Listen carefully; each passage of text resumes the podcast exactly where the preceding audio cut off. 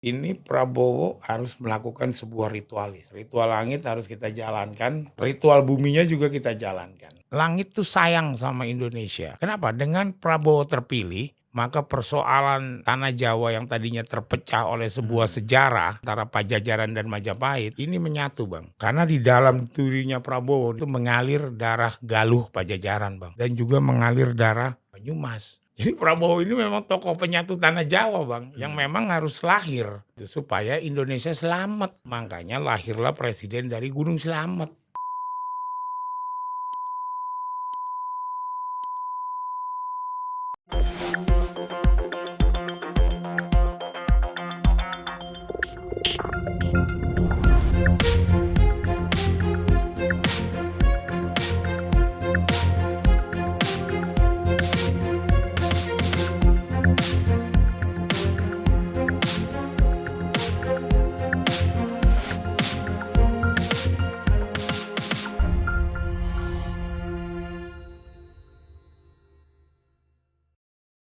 Bismillahirrahmanirrahim. Assalamualaikum warahmatullahi wabarakatuh. Waalaikumsalam Salam sejahtera buat kita semua, Amin terutama buat kawan-kawan para penonton Unpacking Indonesia yang setia. ya Pada hari ini saya kedatangan tamu, bukan tamu bumi, tapi tamu langit.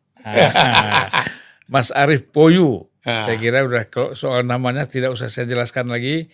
Dulu pernah kalau nggak salah juga memimpin Serikat Pekerja BUMN, ya. BUMN. Luar biasa. sampai sekarang bang masih belum ada yang mau ganti Belum ada yang mau ganti sampai Belum, sekarang. sekarang. Waduh. Orang takut mungkin bicara langitnya ini.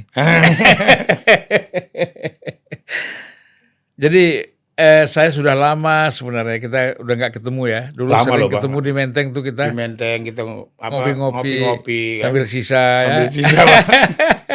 Tapi sudah agak lama nggak nggak ketemu. nah itu dia bang Nah, habis saya pikir setelah covid bang kita bang iya karena covid kita keganggu pertemuannya Ya. Nah, jadi memang sebenarnya kalau kita bicara masalah-masalah bumi ini agak terlalu capek juga kita. capek bang Eh? Capek ngitung-ngitungnya capek. gampang dipengaruhi Ya. Kita benar dipuji, salah dimaki kan gitu. nah, kalau dengan Mas Poyu ini kan kita terus terang aja ya bumi adalah kita bicarakan tapi Ya. tipis-tipis. iya bang Tapi lebih banyak banyak langit. iya Nah, memang langit ini kan sebenarnya bicara kebaikan ya, iya sehingga bisa melihat segala macam kelemahan-kelemahan yang ada di bumi. betul Nah, jadi mantonya itu kalau pesawat sekarang drone ya, drone Mas Poyu ini pengendali drone langit. Gitu lah. Bagaimana Mas Poyu melihat situasi politik kita ini selama wah gonjang ganjing segala macam, tapi dari sisi pandangan langit ya. Mm-mm. Tapi kalau mau bicara juga dari sisi buminya boleh. Terserah. Kita beri kebebasan kepada ya Mas Poyo. gini loh bang ya ya memang kan nih pemilu berjalan mulus lah Ya. Kan. Ya. Eh, apa artinya bentrokan-bentrokan atau gesekan-gesekan sangat kecil dibandingkan pemilu-pemilu 2019 atau 2014 ya kan. Ya. Tapi memang ini memang langitnya menunjang untuk Indonesia. Hmm. Ya, langitnya menunjang untuk eh, artinya ini kan secara mitologi Cina ya bang, Ya. Tiongkok ya. Ini kan sionya naga kayu. Hmm. Ya, memang waktunya di era naga kayu ini Indonesia take off bang lebih tinggi lagi. Hmm. Ya. Cuman memang ada beberapa hal yang harus dicermati. Ya. Karena kan sekarang menurut versi dari real count-nya KPU yang belum selesai atau quick count, Prabowo Gibran ini ya, sudah paling unggul di antara dua paslon ya bang. Ya. Ya. Jadi juga kita harus berhitung secara langitnya bang. Hmm.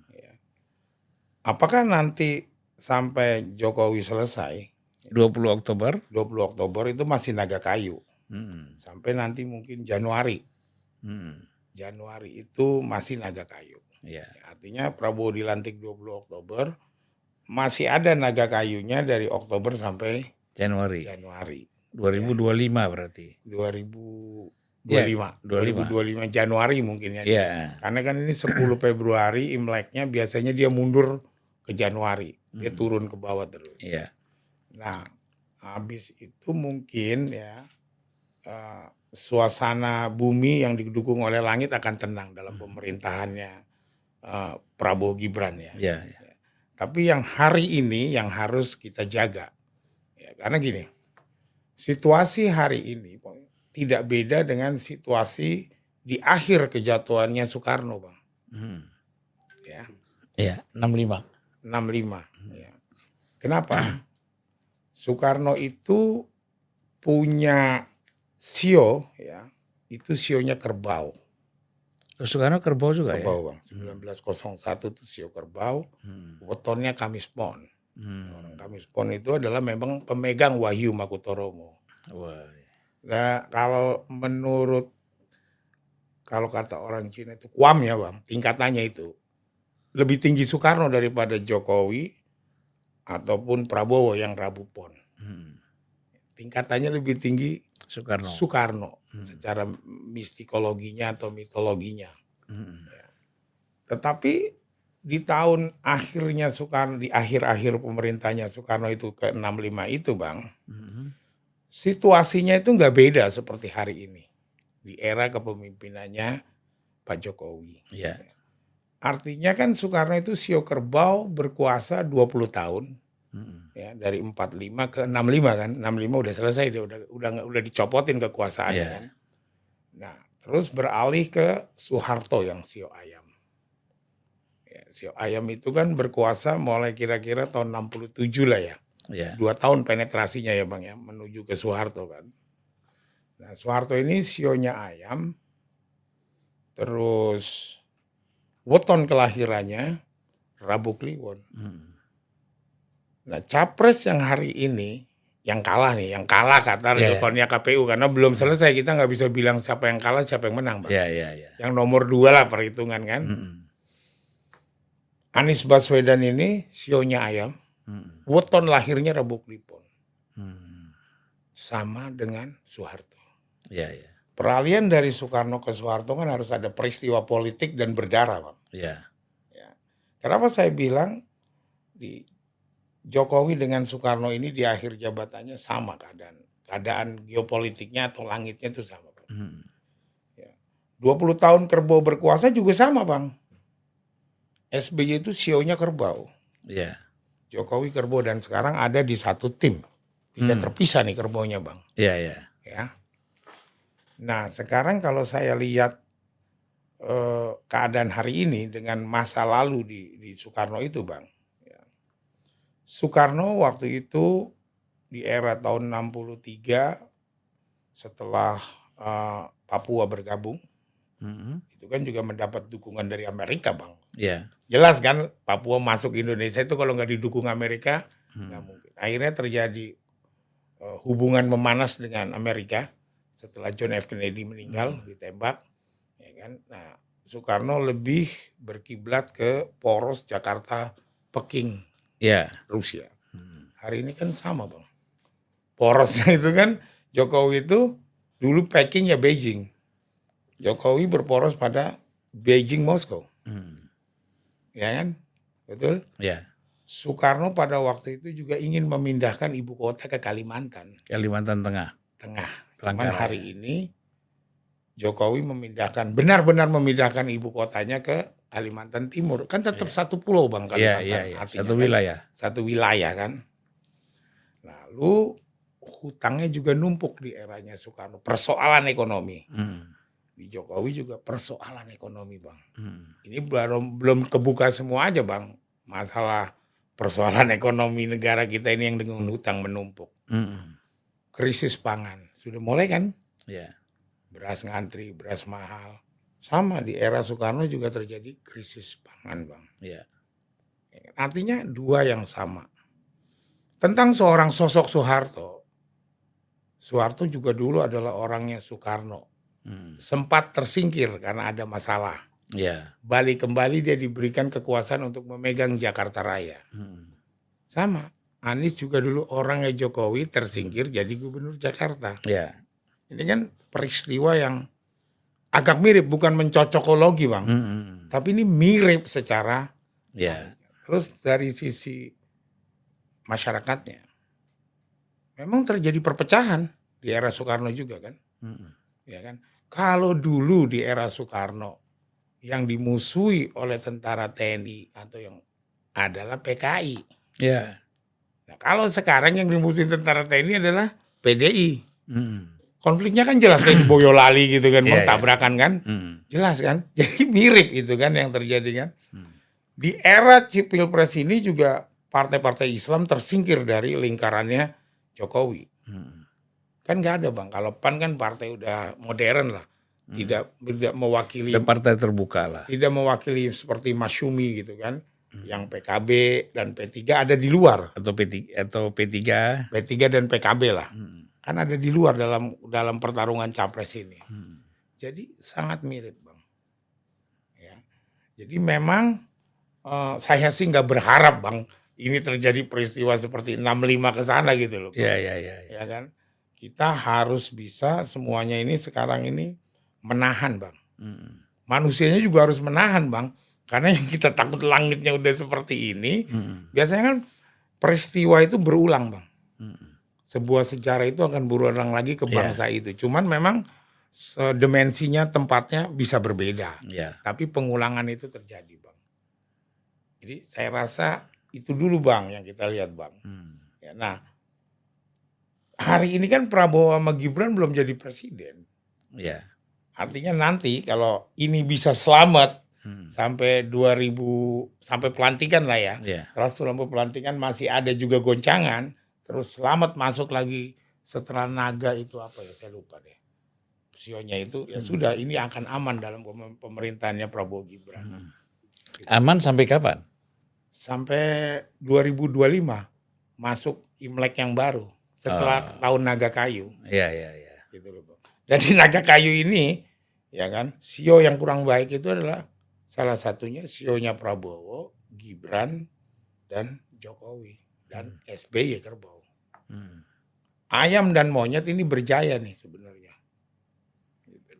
Makanya kita nggak tahu Bang. yang yang ayam Anies, Anies, yang monyet Ganjar.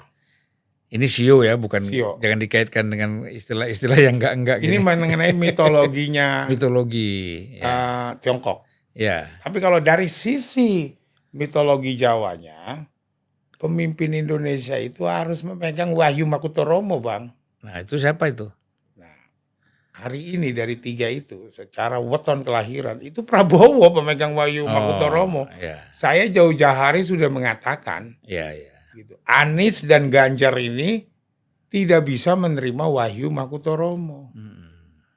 Ya. Ada ketidaksesuaian ya. Tidak kesuai. Jadi pemimpin Indonesia yang memegang harus megang Wahyu Makutoromo. Artinya Wahyu Makutoromo itu kan sebenarnya ajaran, Bang. Ya. Bagi seorang pemimpin bagaimana seorang pemimpin itu harus berlakon atau berlaku seperti matahari, Mm. seperti rembulan, Ya. seperti laut, seperti angin itu. Mm.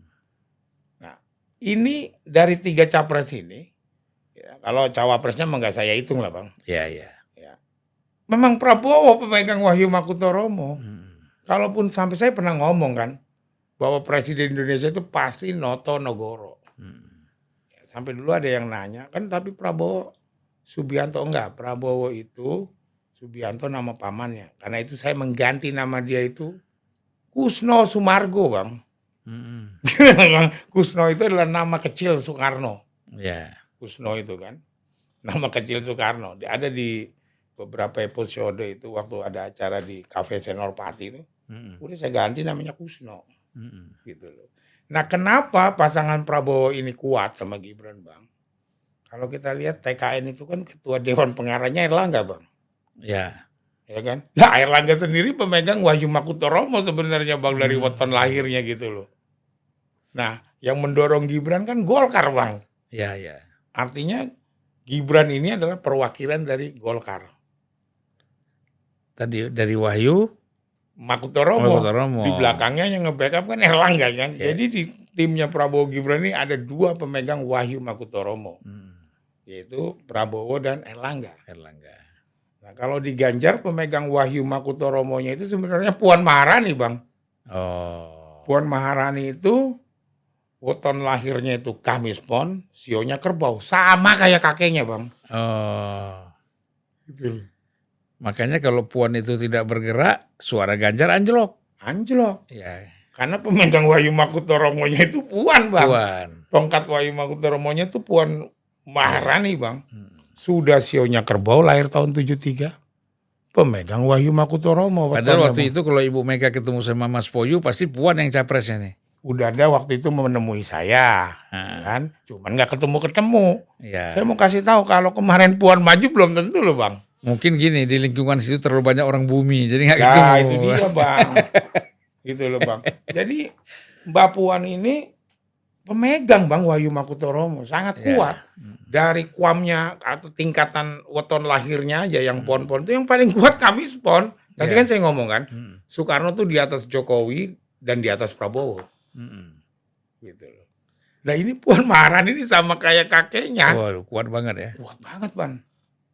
Apakah dia memang yang akan menjadi kepemimpinan kembali lagi dipimpin oleh ratu Indonesia? Mm-mm. Kan gak ada yang tahu, Bang. Iya. Ya kan? Ya kan sebenarnya harusnya kemarin udahlah kita nisbikan aja itu suara-suara survei bahwa Puan sedikit gitu. Hmm. Ya kan, kan? Karena survei langitnya itu Puan lebih kuat, Bang, daripada Iya. Ganjar. Saya Jauh, juga Bang. feelingnya begitu. Jauh, Bang. Tapi kan tadi diganggu oleh orang bumi. Nah, gitu loh. masalahnya. Ya kan, nah kalau masalah Prabowo kan dengan Gibran ya kan nggak mungkin Hmm. Prabowo dengan Erlangga kan, tapi mungkin Erlangga dengan kelegowoannya, dengan dia mengutamakan sebuah negara ini harus berjalan dengan baik, dia berikan jalan kepada Gibran. Hmm. Padahal dia sendiri pemegang Wahyu Makutoromo. Hmm. Coba lihat suara Golkar sekarang, Bang. Iya kan? Hah? Ya kan? Padahal kalau boleh dilihat dari jejak digitalnya, Pak Erlangga itu sibuk dengan pekerjaannya. Hmm. Jarang sekali melakukan kegiatan-kegiatan. Nah, Iya. Golkar nomor dua, Bang. Karena pemimpinnya pemegang Wahyu Makutoromo, Bang. Hmm. Gitu. Erlangga ini pemegang Wahyu Makutoromo. Terlahir di Senen Kliwon, Bang. Iya, iya. iya. Gitu. Nah, talanya itu Bang PDI, Bang. Gitu kan. Ini Puan ini pemegang Wahyu Makutoromo, Bang. Iya. Bukan Kalau sembarangan. nggak ada Puan mungkin di bawah Gerindra ya PDIP ya. Bener, Iya kan? bisa. Bisa Pemegang di- wahyunya masih ada. Ini aja bisa kalah, Bang, sama si Golkar, Bang. Hmm. Ya kan Golkar itu maju itu karena Erlangga pemegang Wahyu Makutoromo. Jadi tersinari gitu loh Bang Golkarnya. Ya kan? Ya. Nah, Mbak Puan itu sebenarnya bakal kemarin dia maju, waduh. Orang nggak berani sih karena terang, teri- ter- terikat sama survei. Ah, terjerembab dengan sebuah survei. Hmm. Kita nggak tahu survei pasca sebelum pencapresan itu. Apakah ini bayaran, Hmm. apakah ini murni, dan apakah ini kesengajaan untuk mengunci para pemegang Wahyu Makutoromo Hmm. agar tidak maju. Kalau Jokowi paham dengan ini, Bang. Hmm. Paham. Gitu. Makanya dia kenapa dia dukung Prabowo karena dia tahu Hmm. Prabowo itu salah satunya adalah weton lahirnya sebagai pemegang Wahyu Makutoromo sama sama dia Rabu Pon. Hmm. Sifatnya nggak akan beda, Bang, antara Jokowi dengan Prabowo. Prabowo. Gitu. Mungkin yang mempengaruhi hanya karena sionya. Jadi ada seperti salah seorang pengamat perempuan itu ya eh, eh, Koni ya Ya. mengatakan bahwa Jokowi itu tidak bisa kompak dengan Prabowo karena katanya Prabowo hanya dua tahun ya kan kemudian nanti akan digantikan oleh Gibran seolah ada akan ada perpecahan antara Prabowo dengan Jokowi ini bagaimana pandangan langitnya Secara siau ya tidak ada. nggak ada ya Kerbau sama kelinci itu berkawan karena sama-sama makannya rumput, ya tumbuh-tumbuhan di bawah, Bang. Ya benar kan? Kalau ayam kan makannya jagung, Mm-mm. monyet makannya buah, Mm-mm. ya kan? Macan makannya daging. ya Ya, jadi mereka unsurnya sama. ya Jadi tidak akan terjadi perpecahan. Gitu loh kan. Tidak akan mereka justru kompak karena mereka Ya. terlahir sama. Sama-sama Rabu Pon. Gitu loh. dan Dari kalau cerita-cerita buku anak-anak itu ya Hmm? kancil itu suka menggoda kerbau juga di tengah hutan ada itu ceritanya saya mau cerita sedikit ya ilustrasi aja Mas Puyo Hmm. Jadi kadang-kadang kerbau ini kebanyak ya. Di tengah hutan dia lagi tidur enak-enak. Siang-siang udah kenyang kan. Nilainya ke kancil. Ya kancil tiba-tiba lompat-lompat. Dikirain ada binatang besar, binatang buas yang datang. Heeh. Padahal cuma dahan da- daun satu jatuh. Jadi memang kancil ya dalam representasinya eh, kelinci. ya, Memang dia bersahabat sama kerbau. ya. Nah kita lihat misalnya kan, Jokowi punya anak kelinci Gibran. Kan cocok dia berdua. Ya, Tidak ada ciongnya, tidak ada tabrakannya bang. Antara kerbau dengan kelinci itu tidak ada tabrakannya. kalau Kaisang? Kaisang saya belum lihat ya, ke sionya apa ya. Ya, ya. Jokowi ini lebih sayang ke Gibran bang. Hmm. Gitu loh. Nah ini Coba menunjukkan cari bahwa tanggal lahirnya si Kaisang tuh. Ah, ah, tahun berapa dia? Tahun berapa? Kita lihat tanggal lahir sio apa gitu. Ah, sio anjing. Ya cocok sama kerbau. Bukan bang, anjing sama kelinci bersama bang. Yang kelinci siapa? Prabowo sama Gibran tuh sama oh mereka. ya, ya, ya. Gitu loh. Oh ini Kaisang nih. Kaisang. Ini Kaisang nih kan? Ah, kalau Gibran udahlah. Kelinci bang tahun 87. Ya, ini Kaisang kan? Kaisang. 94 Yang kelinci. bukan Gibran, yang Kaisangnya nih. Kaisang anjing. Anjing. Anjing. Anjing cocoknya sama siapa tuh? Anjing itu kan kayak seperti tokoh-tokoh tuh Sandi gitu loh bang. Hmm. Ya kan? Sandiaga Uno ya. Sandiaga Uno. Itu eh Sandi 69. Erick Thohir. Oh Erick Thohir. Erick Thohir tahun 70 tuh sio Suka anjing. gigit, suka gigit-gigit juga ya. Bagi gigit gitu kan. Tapi setia bang. Setia ya ya. Anjing itu kan sifatnya setia. Ya. Nah kalau Dan ke- ada takut juga, setia ya, dan takut kalau juga ya. kelinci ini kan kalau dalam baratnya kan suka dilambangkan sebagai kasih love. Ah, Ya kan? Kelinci ya. Ya kan makanya Ya, ya. pasangan dua kelinci nih. Hmm. Dua cinta bersemu. antara Prabowo Gibran. Prabowo Gibran. Jangan-jangan Erik jadi wapres tinjauannya dari segi langit ini juga barangkali. Sepertinya kayak gitu Pak Jokowi udah ngerti kali Bang. Oh, gitu ya. Makanya kenapa dia bilang harus menang satu putaran Bang. Ah, ah. Karena kalau misalnya nggak ada satu putaran, pemilu ulangnya itu jatuhnya udah di naga kayu. Amsyong Bang Sio Kelinci Bang. Hmm. Gitu kan. Saya kan katakan eh, ada seorang suhu itu yang tik- TikTok di TikTok tuh mengatakan potensi kemenangannya Prabowo itu hanya dan Gibran hanya 20 persen. Hmm. karena pemilunya jatuh di naga kayu. Saya bilang enggak gitu loh. Salah ngitung dia gitu loh. Hmm. Karena memang Imlek tanggal 10 Februari. Hmm. Tapi setelah Imlek, Bang, 9 hari setelah Imlek atau tanggal 18 Februari, itu ada ulang tahun besar, perayaan besar lebih dari Imlek, Hmm. Yaitu perayaan Tian Agung. Tian Agung itu adalah raja langit gitu loh. Hmm. raja langit, raja para dewa yang mengatur kehidupan di bumi dan yang mengatur nasibnya orang ini bagaimana, ini bagaimana, Hmm. ini bagaimana, Bang. Ya. Jadi belum masuk. Belum masuk kepada perhitungan nasibnya gitu. Hmm. Makanya setelah Imlek itu sembilan hari ada perayaan yang namanya perayaan Tian Agung ulang tahun Hmm. ya.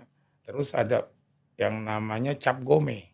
Ya. Perayaan Cap Gome itu kan kubur bang, Hmm. apa namanya sembahyang kubur gitu loh, Capgo gitu loh kan, menyembayangkan gitu arwah-arwah yang arwah saudara kita, arwah orang Ya, lain ya. yang nggak tenang gitu loh, itu disembayangin. Ya. Kalau kita di Islam ini baca Al-Fatihah lah ya. Ya, Al-Fatihah lah kita baca gitu kan, mengirimkan doa untuk saudara-saudara kita, keluarga kita atau kawan-kawan kita atau orang yang tidak ada keluarganya, Hmm. itu dirayain bang sama mereka. Ya. Misalnya orang kan dia udah nggak punya keluarga, lah siapa yang doain lagi? Hmm. Nah, di mitologi Cina itu masyarakat Cina punya kewajiban untuk mendoakan arwah-arwah yang sudah tidak punya keluarga di bumi gitu loh bang Iya, supaya iya. mereka tenang Hmm. gitu loh. Jadi memang positifnya bagus bang dia mendoakan juga gitu kan. Hmm. Dia bukan hanya mendoakan orang tua, keluarga, teman, tapi dia mendoakan manusia-manusia atau orang-orang yang Hmm. di buminya udah nggak punya saudara Ya, ya.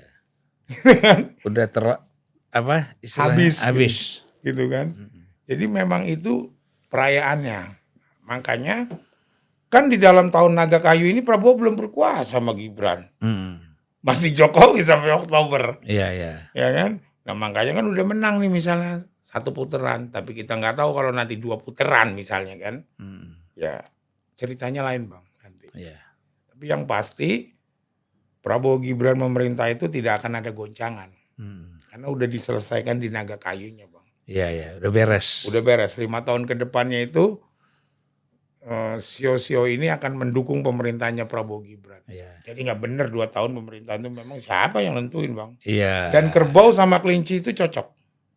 Dan setelah dia itu jadi presiden kan dia presidennya bagaimana bang mau diatur? Hmm. Ya kan? Iya. Ya kan walaupun anaknya seorang wakil presiden. Ya nggak mungkin dong. Jokowi akan yang katanya akan mematikan Prabowo lah. Nggak mungkin. Nggak mungkin. Ngawur tuh hayal. Ngawur bang. Gini loh bang. Prabowo dan Jokowi itu wetonnya sama. Hmm. Dan sionya itu berteman. Kerbau sama kelinci. Makanya kan Prabowo sama si SBY berteman dari dulu tuh. Iya. Dua-duanya kebo kan. SBY kebo, Jokowi kebo. Jadi kalau terawangan langitnya Mas Arif Puyo, eh, agak ngawur ini yang menyatakan dua tahun Ngawur langsung. bang. Ngawur Bang. ya. Tapi ada tapinya bang. Ya. Dalam menuju ke setelah naga kayu nanti 2025. Hmm. Ini Prabowo harus melakukan sebuah ritualis. Hmm. Ritual langit bang itu bang. Ya. Ritual langit harus kita jalankan. Ritual buminya juga kita jalankan. Loh, Mas Ari kan masih di Gerindra kan? Masih, saya masih. Dulu kan wakil ketua pembina. Dulu wakil ketua umum bang. Ah, wakil ketua umum. Terus sekarang, Sekarang anggota biasa. Anggota biasa. Anggota biasa aja. Karena udah ngurus langit. Bu, lagi ngurusin lah. ya kan? Ini saya mau cerita bang. ya. Iya. Jadi bulan Juli tahun lalu ya, Hmm. tanggal 11. Itu saya melakukan ritual loh bang. Secara Jawa, secara Jawa. ya. Ya. Jadi dulu saya selalu mengatakan bahwa Presiden ke-8 itu akan lahir antara keturunannya Gunung Slamet dan Pantai Serandil. Hmm. Tidak lagi dari eh, Merapi Parangkusumo. Hmm. Dari tiga calon itu yang menjadi putra kelahiran dari Slamet dan Serandil Gunung Itu Slamet. daerahnya apa aja? Banyumas bang. Oh, Banyumas. Purbalingga. Ah, Kalau Ganjar kan istrinya yang Purbalingga. ya. Ya kan Kebumen, Hmm. ya, Cirebon masuk dalam Ya. lingkarannya Gunung Slamet Serandil. Hmm. Ya kan? Ternyata kan dari tiga capres ini tidak lari dari sini. Tapi yang asli putranya Gunung Slamet itu ya Prabowo. Oh. Gitu loh. Prabowo itu orang Banyumas. Orang Dawuan. Kakeknya Pak Margono aja dikuburnya di Dawuan. Ya, ya, ya. Bank BNI terlahir pertama kali ya di Purwokerto. Hmm. Gitu loh. Kenapa harus selamat serandil? Karena Indonesia butuh keselamatan, Bang. Iya. Dan ternyata langit tuh sayang sama Indonesia. Kenapa? Dengan Prabowo terpilih, maka persoalan tanah Jawa yang tadinya terpecah oleh sebuah sejarah ya antara Pajajaran dan Majapahit Hmm. ini menyatu, Bang. Karena di dalam dirinya Prabowo, di dalam tubuh dirinya Prabowo itu mengalir darah Galuh Pajajaran, Bang. Hmm. Dan juga mengalir darah Banyumas. Hmm. Jadi menyatu, Bang. Iya, iya. Jadi Prabowo ini memang tokoh penyatu tanah Jawa, Bang, yang Hmm. memang harus lahir gitu supaya Indonesia selamat. Hmm. Makanya lahirlah presiden dari Gunung Selamet. Iya, iya. Nah, saya waktu itu melakukan ritual, Bang, itu di Pantai Serandil, Bang. Hmm. Pantai Serandil itu tempat kerajaannya Nyai Roro Kidul, Bang. Ya. Saya udah tahu akan terjadi Bratayuda begini, Bang. Ya. Hmm. Jadi waktu itu saya minta sama Mbah Serandilnya yang penjaga sana, wayang ruatnya itu pendawa naik takhta. Gak mau bang, Hmm. udah besok mau dilakukan, sorenya telepon saya tuh Hmm. paranormalnya, dukunnya itu. Mas Arif, Mbah Serandilnya minta rubah lakonnya apa? Saya bilang Hmm. Kresno Duto. Kalau nggak itu nggak jadi mas katanya. Hmm. Lah Kresno Duto ya Bratayuda bang. Hmm. Ini yang terjadi sekarang. Ya. Ya kan terjadi Bratayuda kan antara 02 dengan 03 kan. Ya. Dari satu akar bertarung kan. Gitu. Ya udah saya bilang lanjut aja nggak apa-apa. Hmm. Gitu loh. Itu saya lakukan ritualnya bang. Sampai larung bang. Hmm. Gitu loh. Supaya ya selamat. Nah, supaya memang sekarang kan ternyata terbukti. Keturunannya Gunung Selamat yang jadi presiden. Makanya Indonesia selamat bang nanti. Ya, dan tadi pernyataan soal menyatukan tanah Jawa terbukti juga kan menang di Jawa Timur, menang di Jawa Tengah, Jawa menang Barat. Jawa Barat kan.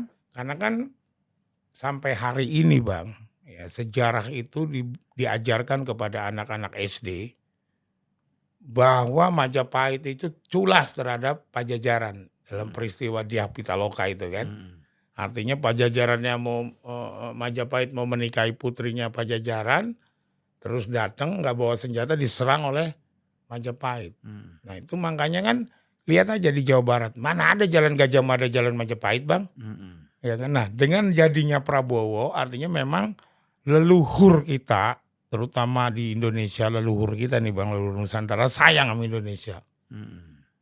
Jadi akan selesai karena Jadi di, di Jawa Barat tidak ada jalan Mojopahit iya dan jalan Hayam Wuruk nggak ada Bang. nggak ada ya. Jalan Gajah Mada, jalan Majapahit, Hayam Wuruk nggak ada Bang. Hmm. Gitu loh. Nggak ada. Karena adanya sentimen sejarah lama itu. Hmm.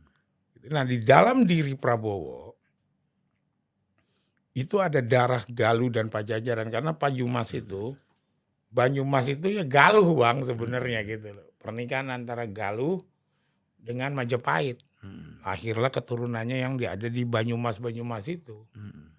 Makanya kan ngomongnya orang Banyumas tuh mirip-mirip kayak Sunda, Bang.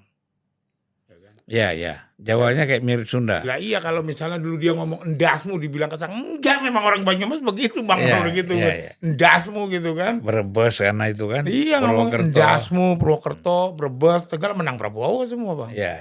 Jawa Barat menang Prabowo. Sekarang ya, kenapa saya bilang bahwa di dalam diri Prabowo itu mengalir darahnya Galuh. Karena memang eh, ningrat di Banyumas yang sebelum zaman era Majapahit itu bang, itu terjadi perkawinan dengan Galuh. Ya. Jadi Prabowo ini mengalir darahnya Putri Galuh. Mana pernah Jokowi menang lawan Prabowo di Jawa Barat sama Banten. Hmm. Coba 2014 2019 bisa menang dia di Jawa Barat. Hmm. Bisa menang dia di Banten? Enggak, karena Prabowo disayang sama Putri Galuh. Hmm. Jadi Prabowo itu dari ibunya, dari keturunan perempuannya, itu Galuh bang. Kalau mau dihitung Banyumas.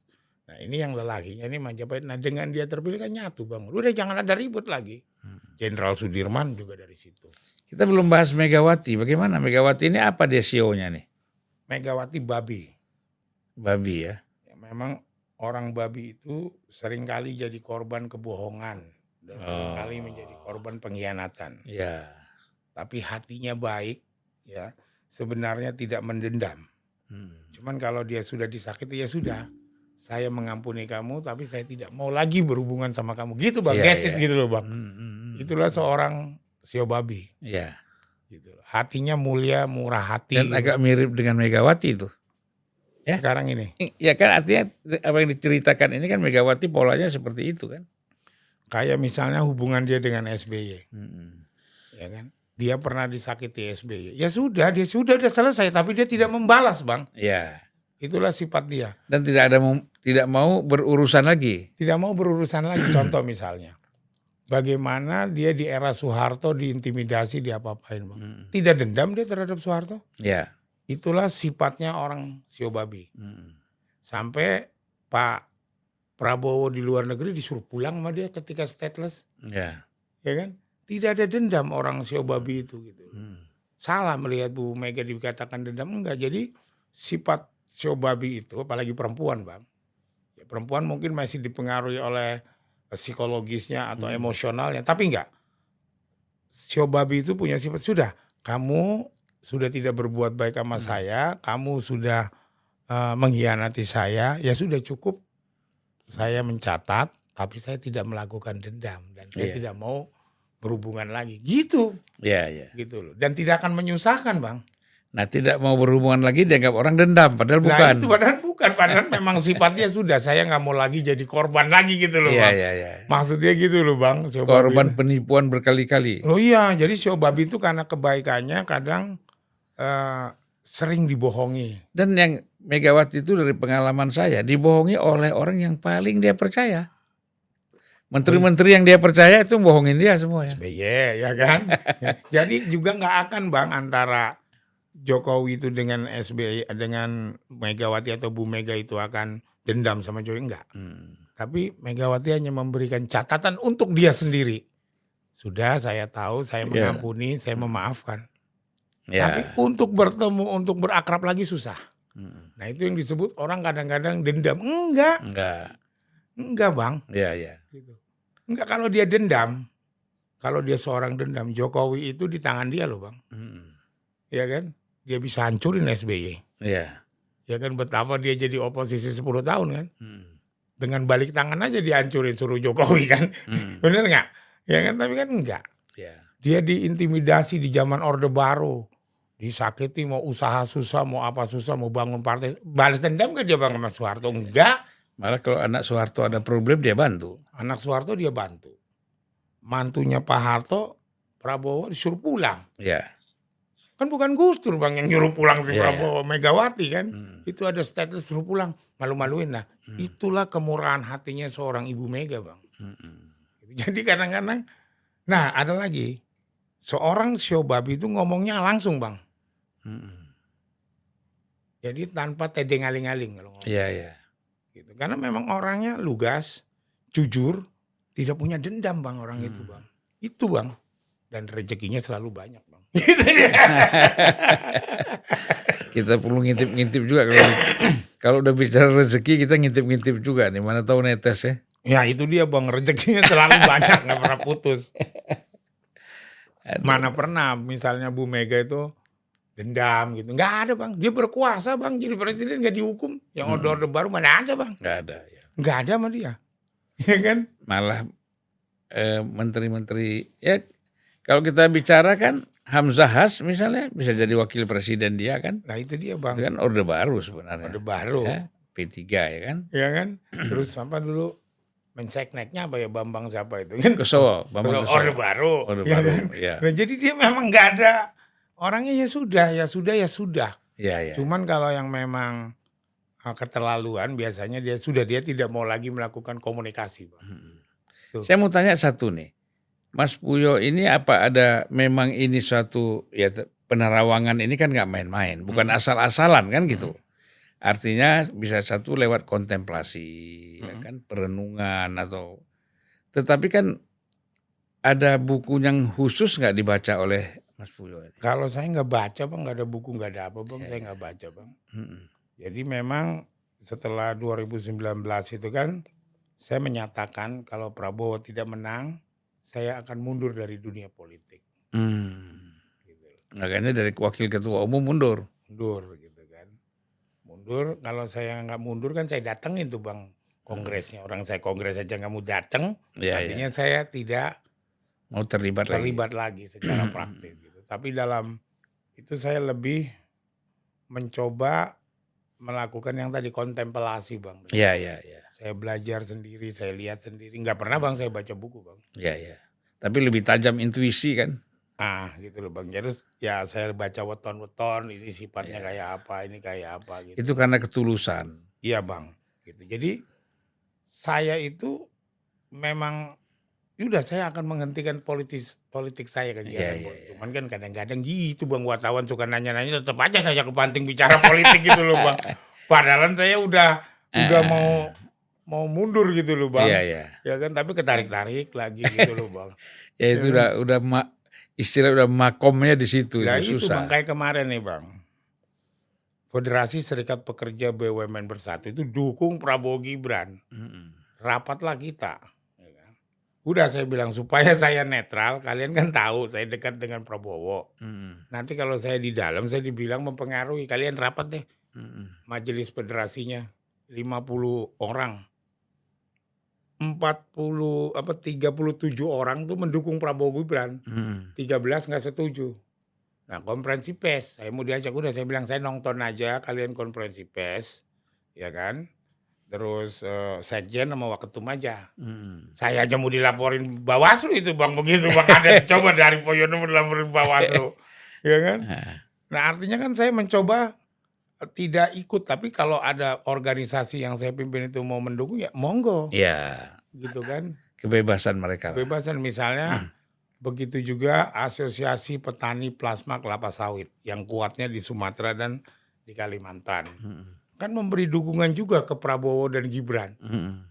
Ya kan saya suruh sekjen nih jangan jangan jangan saya nanti orang-orang cara bilang saya gitu kan diterima oleh Pak Prabowo Ya. gitu loh. Itu ada jejaknya, Bang. Mm-mm. Nah, gimana Mas Arief? Ya sudah jalankan karena kita sudah mendukung Prabowo Gibran dengan ketentuan Prabowo harus jalankan lima agenda kalau dia terpilih Mm-mm. dari sawit ya agendanya pun gampang-gampang pasti dijalanin Iya, iya. ya kan dan mereka deklarasi mereka di mana-mana bang jalan udah Mm-mm. tapi kan orang melihatnya wah ini federasi BUMN bersatu nih pasti udah Arif jadi saya nggak perlu lah tapi itu udah stempel saya gitu loh bang Iya, kan iya, iya. makanya teman-teman dari BUMN langsung Mas Arif bener nih ke Prabowo Gibran ya organisasinya ke mana saya bilang gitu kan Mm. Ya ke Prabowo Gibran ya sudah. Mas kita diancam loh Mas. Dengan peraturannya Erik ah nggak usah kalian harus tahu. Mm. kita ini serikat pekerja beda sama Hmm. perusahaan dukungannya gitu loh. Mm. perusahaan dengan kita itu adalah mitra gitu loh. Mm. ya kan? Jadi kalau karyawan BUMN memilih Prabowo Gibran atau mendukung Prabowo nggak nyala aku bilang. Itu si Erik yang goblok saya bilang bikin aturannya. Ya kan itu Menek BUMN itu salah peraturan Menek Iya. BUMN bang Nah sekarang misalnya bang pegawai BUMN tapi tugasnya sebagai cleaning service Mm. gimana dia bisa pengaruhin bang Ya. yang nggak boleh ikut berkampanye itu kan adalah direktur-direkturnya dan menterinya Mm. dan pejabatnya BUMN. Lah kalau tukang ketik, tukang apa, apa pengaruhnya dukung Prabowo Gibran? Iya, iya. Ya kan? Mereka berkampanye kan nggak apa-apa. Kan saya bilang sama teman-teman, kan kita berkampanyenya bukan di tempat kantor kita. Iya. Gitu kan? Kita jalan ke masyarakat. Makanya saya buatkanlah yang Federasi BUMN Bersatu itu melakukan ekspedisi Jawa memenangkan Prabowo Gibran lihat aja di situ tapi semua kan udah tahu itu si Arif pasti gitu loh. sampai saya mau dilaporin Bawaslu saya tunggu bang Heeh. saya tunggu saya dilaporin gitu kan Iya. saya tunggu lu gua, gua tuntut balik loh gitu loh Udah salah. Kalau udah Bawas, salah bang Bawaslu nuntut Arif Puyo itu udah salah. salah bang nah sementara kan Erik juga bodoh bikin suratnya gitu loh Mm-mm. karyawan BUMN tidak boleh berpolitik tidak boleh memenuhi loh orang karyawan Iya. gitu loh ngerti nggak status karyawan ngerti nggak tentang hubungan industrial Mm. BUMN itu perusahaan Mm-mm. pekerja ini mitranya Mm-mm. Nah, yang nggak boleh kan direkturnya sama komisarisnya Iya. Lah kalau karyawannya ya bebas dong mau milih siapa mau dukung siapa. Iyalah. Pegawai negeri juga bebas kok. lah iya dan undang-undang serikat pekerja kan tersendiri dengan undang-undang PT Mm. ya kan? Kok disalahin gitu loh. Makanya dia baru dua minggu masuk kalangan bang. Grupnya Erik tuh. Ya kan? Nggak ada kan pertama kan?